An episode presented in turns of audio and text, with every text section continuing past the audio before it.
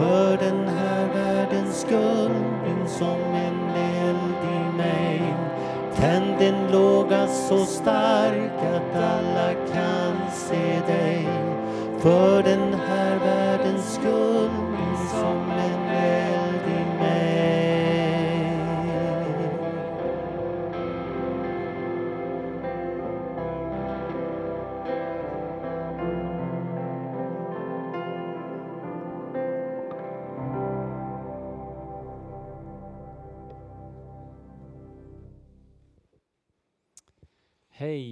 allihopa!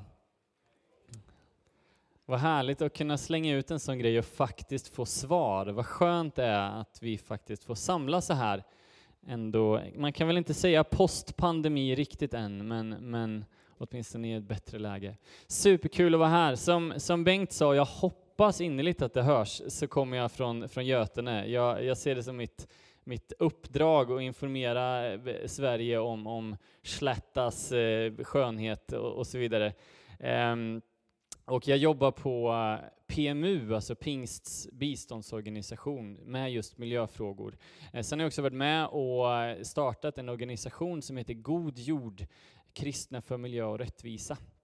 Jag är ju här lite grann också utifrån min bok som, som av en händelse också heter God jord, fast God jord och ett hållbart liv.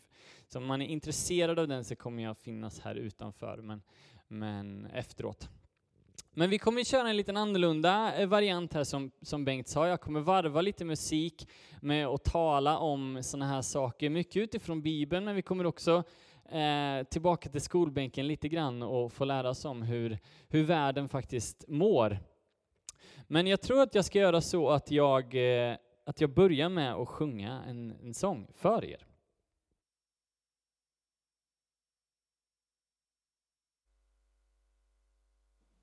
Här ska vi se. Jo, men vi ska börja med att sjunga en sång och den äldre generationen tror jag garanterat har hört den här, men kanske då på svenska. Jag kommer sjunga på engelska. Men det kommer, idén till sången kommer från ett bibelord där det står att som hjorten trängtar efter vatten så trängtar jag efter dig, så längtar jag efter dig. Och jag tycker att det är ett vackert sätt att börja på, att, att, att min längtan och vår längtan i de här frågorna handlar om att, att det ska vara Gud i centrum, att det är vår längtan efter Gud och efter att bli mer lika Jesus som också får påverkan på eh, skapelsen runt omkring oss. Livet är en helhet. Så jag ska sjunga den här för er. Och jag sa det innan, om jag missar någon hög ton här så, så kommer jag skylla allt det på att det är klockan 10 gudstjänst. Bara så att vi har, och jag och Bengt har en överenskommelse här, så att det är okej att vi gör så.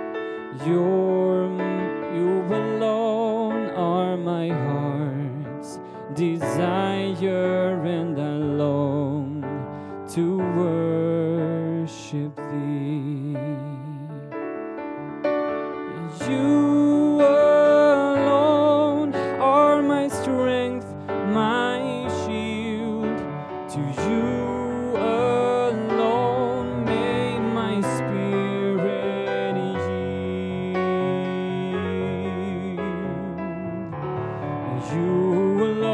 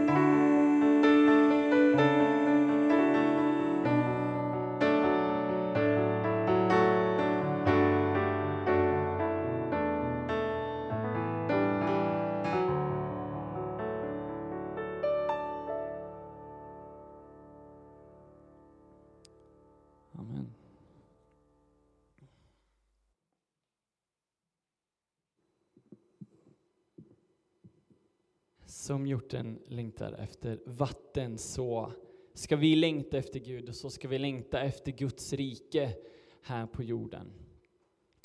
Vi kan ta min första bild här, eller min andra. Min bok, precis som eh, boken med stort B, Bibeln, börjar på samma sätt. Den börjar från början med I begynnelsen skapade Gud himmel och jord. Och det står att Gud skapar en otrolig mångfald. Gud skapar alla himlens fåglar, all, alla djur som krälar på marken och han sätter månen eh, och, och sol, solen liksom på himlen. Intressant nog står det att månen ska härska över natten och solen härska över dagen. Ibland hör man i kristna kretsar att vi människor ska härska över jorden. Och det står så, det står så lite senare, men jag tycker att det är intressant att sätta det i relation till att månen ska härska över natten. Jag ser inte riktigt månen som nattens diktator så, utan det känns som ett annan typ av härskande, ett rådande. Eh, någon form av ansvar och, och kanske snarare livgivande. Och Gud skapar människorna och djuren på samma dag och det löper som en, som en poetisk rytm i hela första kapitlet i Bibeln där det står och Gud såg att det var gott och Gud såg att det var gott. Och sen när allt är fullbordat så säger Gud, det här är mycket gott. Mycket gott. Och jag tänker att det är precis den känslan som vårt engagemang i de här frågorna också ska på något sätt komma ur. Om vi på något sätt kan hitta den här, vad ska man säga, platsen som, som Gud eh, kom ifrån när han skapade. Vad var det för känsla som fyllde honom när han såg allt som han hade skapat? Allt som på något sätt kom ur hans kärleksväsen. Eh, och den kopplingen, den tanken tror jag ibland att vi har missat lite grann. Vi är inte så bra på att prata om en, en kärlek till naturen, om vad har skapelsen för roll i mitt lärjungaskap, i mitt liv. Eh, och jag tror vi behöver prata mer om det. Och en intressant sång eh, som, som verkligen är på det här temat, och när jag ställde lite samma tanke, jag tänkte sådär, när den här sången skrevs, hur kände, hur tänkte författaren då? Och den sången är O store Gud. Och det är en sång som alla har hört här. Eh, det är väl en av våra mest kända svenska exportvaror, höll jag på att säga. Eh, det finns ju, jag vet inte om det var exakt den sången, men det hände ju en gång så att det, det skrevs en, en sven, svensk sång och den, en, den importerades in i USA. Eh, och sen så var det en svensk missionär i USA som hörde låten i USA för första gången. Jag tänkte vilken fantastisk låt, den måste jag översätta och ta hem till Sverige. Eh, och så kom han till Sverige och så insåg han att den fanns redan. Och förhoppningsvis i en bättre version. Men nu ska vi, jag skrev för ganska många år sedan en liten egen version av O store Gud, Så jag kommer sjunga den delvis för er, men sen ska ni få klämma i, och den går högt så ni får klämma i från tårna eh, på, på refrängerna. Jag litar till att eh, pappa, du ylar bra här från mitten av lokalen. Eh, men det var också en vision som jag gjorde för att också försöka fånga på något sätt den känslan som jag får när jag läser texten. Och store Gud, när jag den värld beskådar, som du har skapat med ditt allmaktsord, ja men då fylls hela min själ av en lovsång. Tack gode Gud, o store Gud. Eh, så den ska vi försöka bränna av här nu.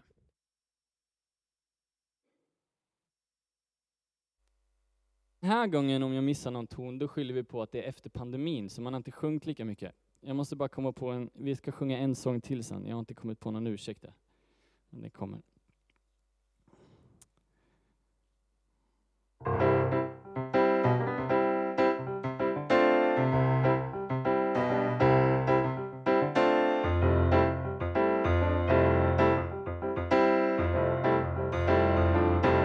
O store Gud, den värld beskådar som du har skapat med ditt allmaktsord. Hur där din visdom väver livets trådar och alla väsen mättas vid ditt bord. Ta in det då. Då brister själen ut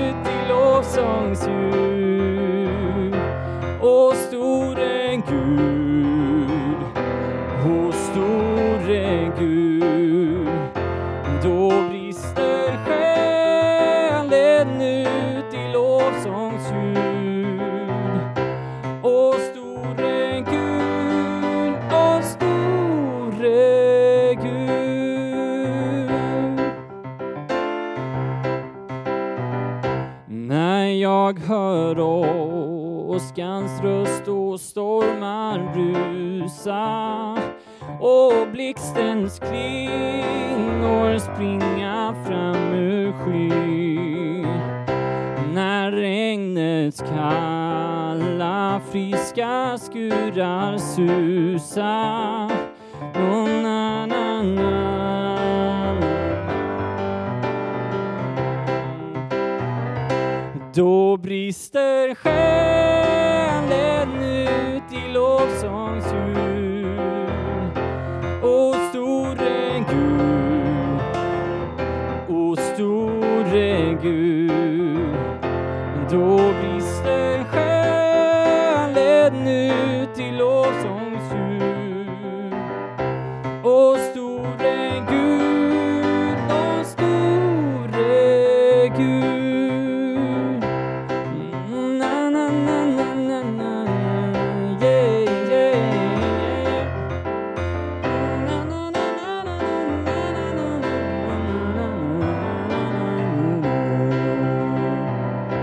När en gång alla tidens höljen falla och jag får skåda det jag nu får tro och evighetens klara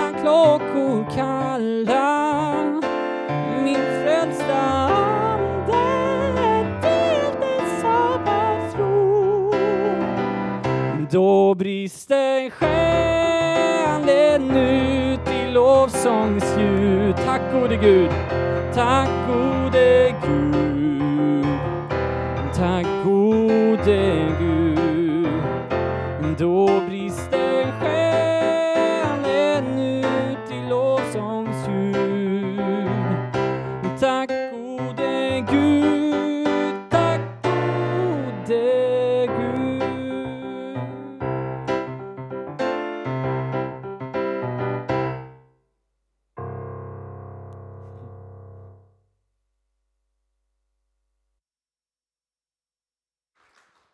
för hjälpen. Jag tror att ni klarar refrängen bättre än jag.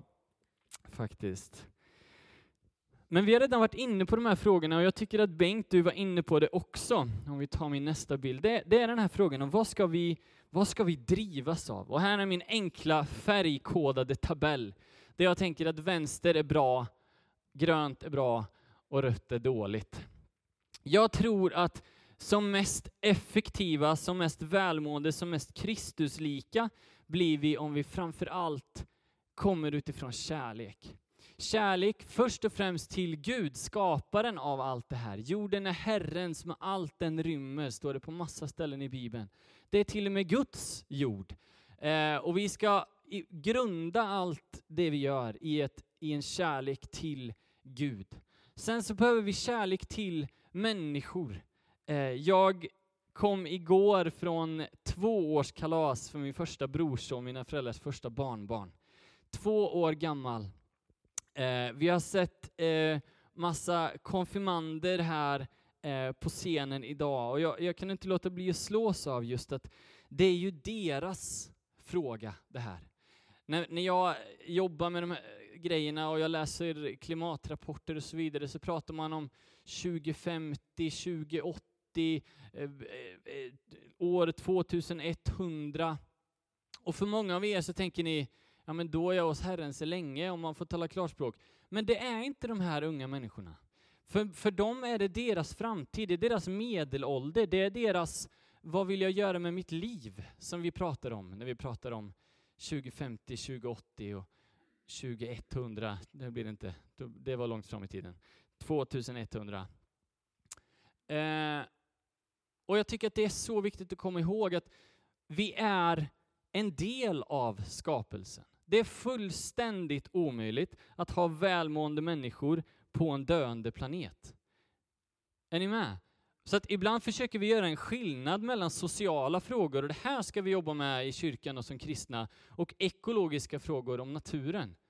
Men det är en helt meningslös skillnad att försöka göra. Upp med handen om du inte andas luft, dricker vatten, äter mat, påverkas av väder och vind. Härligt. Vi är med varandra. Vi är en del av naturen. Alla påverkas av naturen. Jag satt i förra veckan och läste en ansökan som har kommit in om att starta ett projekt i Kenya. En av PMUs partner finns i Kenya, en stor kyrkorörelse där. Och projektet handlade egentligen om, om jordbruk och jordbruksutbildning och metoder och så vidare. Men jag fick den på mitt bord för att den, den, den rubricerades så att säga som ett miljöprojekt.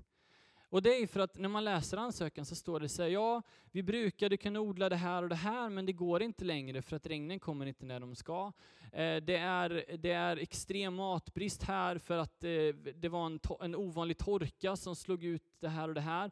Eh, jorden eroderar sönder eh, på grund av att vi inte har tagit hand om våra träd och så vidare som binder jorden.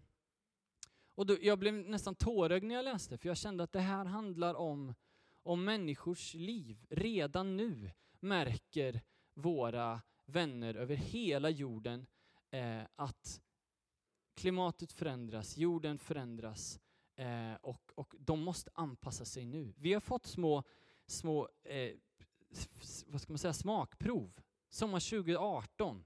Vissa tyckte den var, fantastisk. Jag tyckte den var väldigt obehaglig. Eh, det brann i hela landet på ett sätt som vi inte har sett förut, fastän vi har bättre eh, möjligheter att släcka än någonsin tidigare. Eh, eh, skördar slog fel, hela, hela skogar gick in i någon sorts paniktillstånd och gick in i höst redan i slutet av juli, i början av, eh, i, eller i, i, nere i Skåne. Eh, och, så att vi ser det här redan nu. Eh, och min tanke är att vi ska vara en, en, en otroligt viktig eh, rörelse för de här frågorna, drivna av kärlek till Gud, till människor, men också faktiskt till skapelsen, precis det som vi har pratat om. En förundran inför skapelsen, att det ska få väckas en längtan att bevara det som Gud önskar att vi ska bevara. Vi kan ta nästa bild. Jag tänkte faktiskt slänga ut en liten, ni ser vad okonventionell jag är, nu ska ni till och med få prata mitt under min predikan. Ni ska faktiskt få vända er till någon granne eller ett par och så ska ni försöka att komma fram till något sorts svar på den här frågan. Jag kommer inte ha läxförhör med er, eh, men det kanske du tar sen Bengt? Nej. Men, men vänd er till en granne och bara diskutera den frågan. Hur skulle ni sammanfatta det? Vad är vårt uppdrag som, som kristna? Det blir ingen lång stund, sen så ska jag ta över igen. Men kör igång, 30 sekunder, en minut.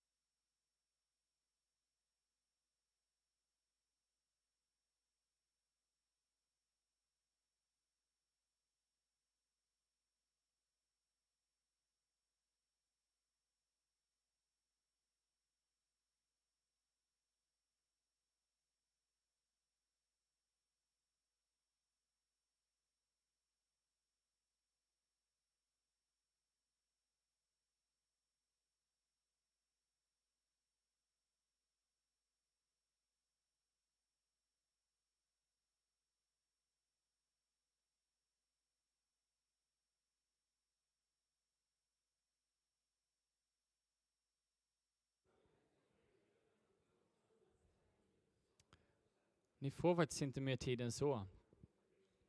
Kul att höra sorlet här. Ehm, jag tror till och med eh, på grund av tidsbrist att jag inte kommer ta upp några, några tankar från er, men ni kan väl skrika bingo om ni, om ni har rätt svar, för nu kommer de två, de två rätta svaren. Eh, nej, men det, jag, det är en fråga jag faktiskt ställer nästan alltid när jag föreläser, för att vi behöver ofta gå tillbaka till de här basic, de här grundläggande eh, frågorna eh, för annars har man en tendens att tappa bort dem och man behöver tänka ett varv till, inte minst då i ljuset av att, att planeten är i, i, i kris, naturen är i kris. Eh, så kanske man behöver fundera om lite kring vad är min roll som, som Jesu lärjunge på den här eh, planeten. Och en av mina favoriter, om vi tar nästa bild, det är att prata om relationer. Mitt uppdrag är att hela relationer. Det är en av mina favoriter. Ingen bingo än? Nej. Eh, man kan säga att, att det är ett helt sätt att se på den bibliska berättelsen. Jag har redan pratat om hur Gud eh, sa i början att, att allt var gott, allt var mycket gott. Och ett annat sätt att säga det, det är att det var fullständig harmoni mellan alla de här tre relationerna. Relationen till Gud beskrivs som så, så nära och intim att man liksom tog en promenad med Gud i, i trädgården. Relationen mellan människor var också helt perfekt. Det var inget, det var inget eh, relationsskav mellan Adam och Eva och det var, det var ingen mord och ingen synd. Eh, och relationen till skapelsen var också helt perfekt helt i harmoni. Jag tycker det är en vacker bild av när, när det står att Gud för fram djuren till människorna för att han vill se vad, vad människorna kommer kalla dem. Jag tycker att det är en vacker, vacker eh, liten ledtråd kring hur vi kanske ska relatera till naturen. Med nyfikenhet och, och i någon sorts samarbete med Gud, kroka arm med Gud för att ta hand om det som han har skapat och som han har kallat mycket gott. Och det här är ju också Guds projekt. Eh, för sen ser vi att alla de här relationerna faller.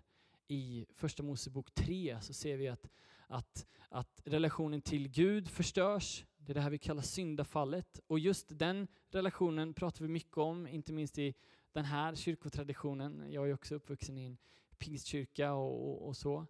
Eh, men vi kanske har pratat mindre om att även relationen till varandra, det är här det går går fel där också. Det här vi börjar se mord och så vidare. Och även relationen till skapelsen får sig en törn här. Förbannad ska marken vara för din skull, står det. Och, och, och det kommer bli tufft att få mat från marken och så vidare. Och sen så vi går från det här fullständigt harmoniska, shalom är ju ett sånt ord som man ofta eh, använder, shalom, frid, fred, fullständig harmoni. Vi går från ett shalom-tillfälle, men sen så blir vi ganska snabbt lovade att det kommer bli ett sånt här shalom-tillfälle igen. Är ni med? Från härlighet till det som det talas om genom profeter och i Uppenbarelseboken, att det ska komma ett tillfälle där Gud ska torka alla tårar Eh, och vi ska ha den här harmonin igen. Alla relationer ska upprättas. Och, och vandringen däremellan är liksom att steg för steg upprätta, eh, steg för steg peka mot det som kommer, peka mot det som har varit. Och det projektet tycker jag vi ska vara med i. Så att, tänk om vårt uppdrag är att hela relationer. Vi kan ta nästa bild. En annan av mina favoriter är att, att sprida Guds rike. Det tycker jag också är ett begrepp som på något sätt fångar in storheten i vad vi får vara med om eh, som kristna. Men en av de mest klassiska exemplen på när man ska beskriva människans roll i, i, i, relation till de här miljö och klimatfrågorna och så, det är ju faktiskt att gå till första Mosebok 2.15 där det står Herren Gud tog människan, satte den i Edens trädgård att bruka och vårda den. Eh, och när jag skrev boken så fick jag möjlighet att gräva ner mig lite i eh, de här orden som översätts bruka och vårda i Bibel 2000. Eh, det är avad och shamar. Eh, och i 1917 års översättning, den är mest pedagogisk, för där står det att vi ska bruka och bevara. Två ben. Jag tittar på min mamma som är pedagog. Bruka och bevara, den kan ni komma ihåg själva. Eh, i, I King James version, en gammal engelsk översättning, där är det nummer tre, där, då står det dress and keep. Dress, alltså klä upp, klä. Och jag tycker det är en vacker bild. Tänk om vi som kristna ska känna att vårt uppdrag ute i naturen, det är också att försköna, att, att klä upp, att hjälpa naturen att blomstra. Men avad översätts också som tjänande. I, I många ställen i Gamla Testamentet så översätts ordet avad som tjäna eller betjäna. Och jag tänker att det också är en intressant vad ska man säga, komponent att ha med i. Ja, vi ska bruka, vi får ändra, vi får göra saker med naturen. Men också en känsla av betjänande. Och jag var inne på det här med att härska och råda innan lite grann. Och Frågan är om inte det blir en bra koppling till Jesus ledarskap. Om man skulle sätta en rubrik på Jesus ledarskap, då skulle jag åtminstone sätta tjänande. Ett tjänande ledarskap. Eh, Stefan Edman, en profil i de här frågorna både i, i, i eh, Sverige som helhet men även i kyrkan har sagt att kanske kan man tänka att man behöver en liten version av gyllene regeln här. Allt vad vi vill att naturen ska göra för oss ska vi göra för naturen. Eh, vi vill ha syre från växterna till exempel. Ja, men då kanske det också är vår roll att se till så att växterna har möjlighet att blomstra. Eh, vi vill ha mat, ja men då är det kanske också vår uppgift att ta hand om jorden så att den eh, mår bra och så vidare. Och Det andra ordet har också eh, dubbeltydighet, shamar. För att i många av salmerna till exempel så är det det ordet som David använder när han säger ja men Gud beskydda vårt folk, beskydda vårt land, beskydda mig. Då används ordet shamar.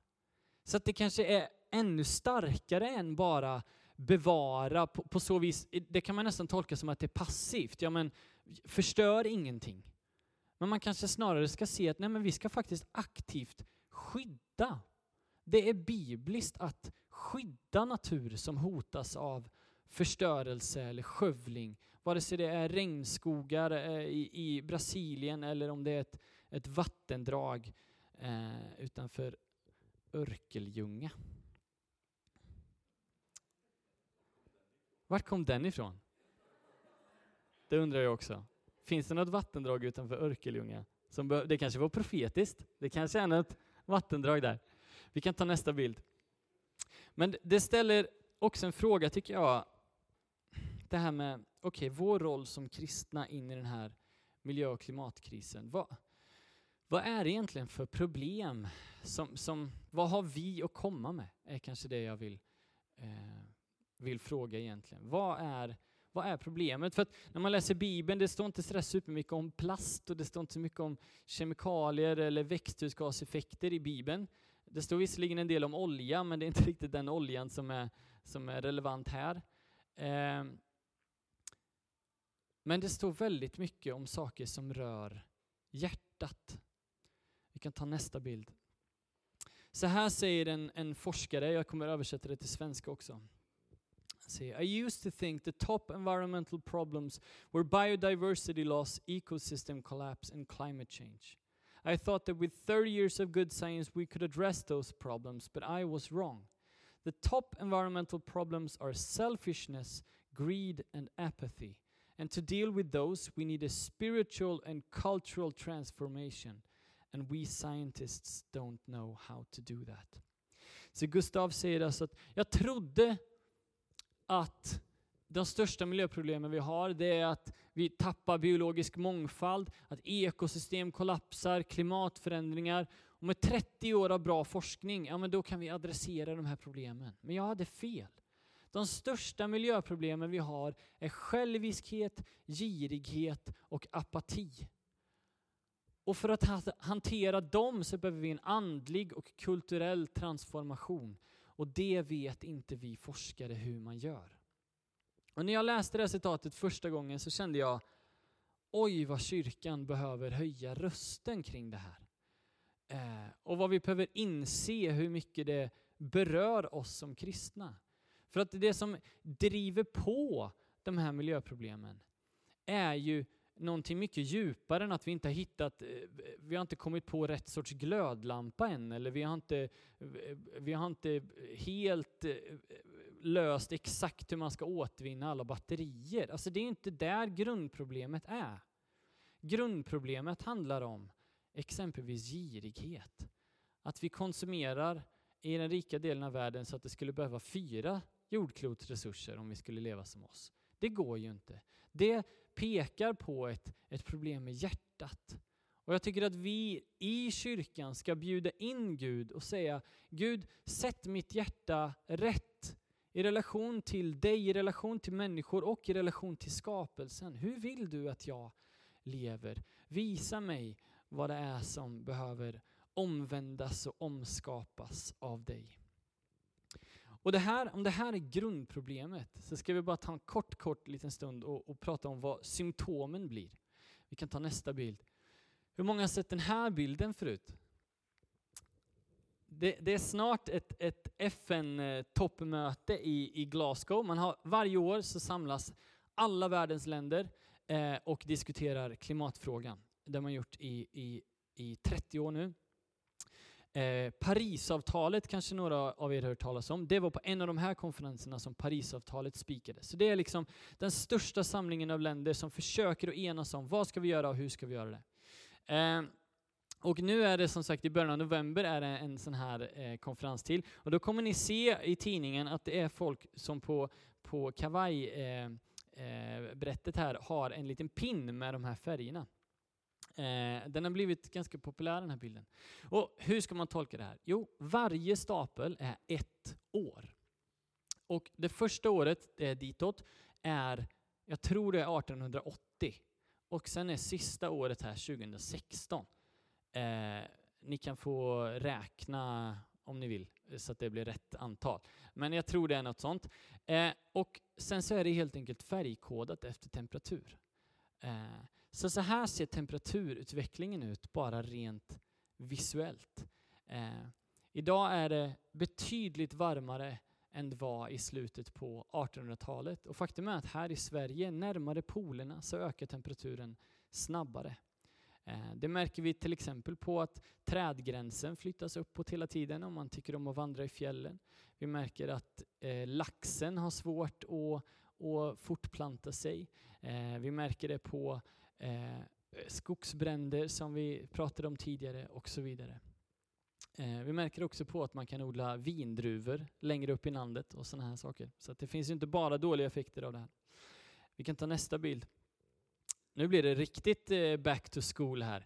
Det här är en graf som visar de senaste 400 000 års nivå av koldioxid. Koldioxid är en av de här gaserna som, som blir som en filt runt jorden.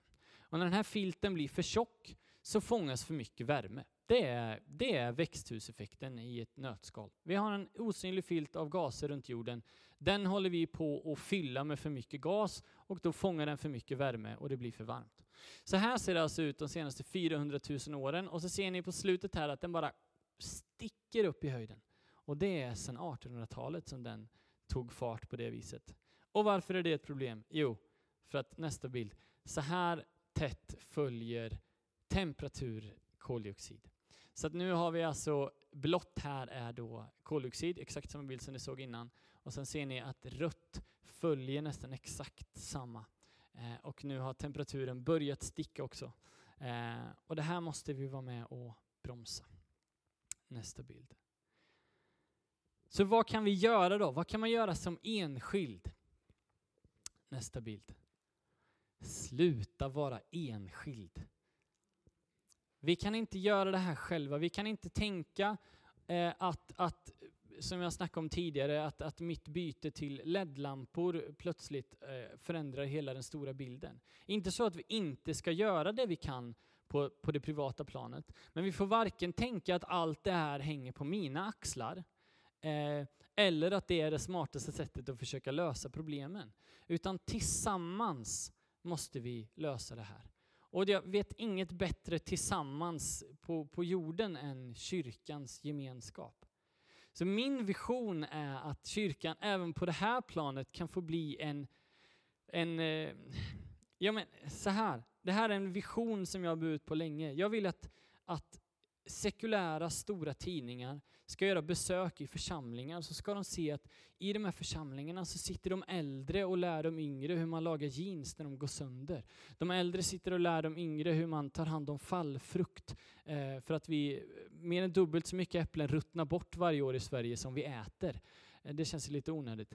Eh, jag drömmer om att unga människor som jag och ännu yngre än mig får vara med och faktiskt utbilda andra generationer som inte möter det här i skolan varenda dag.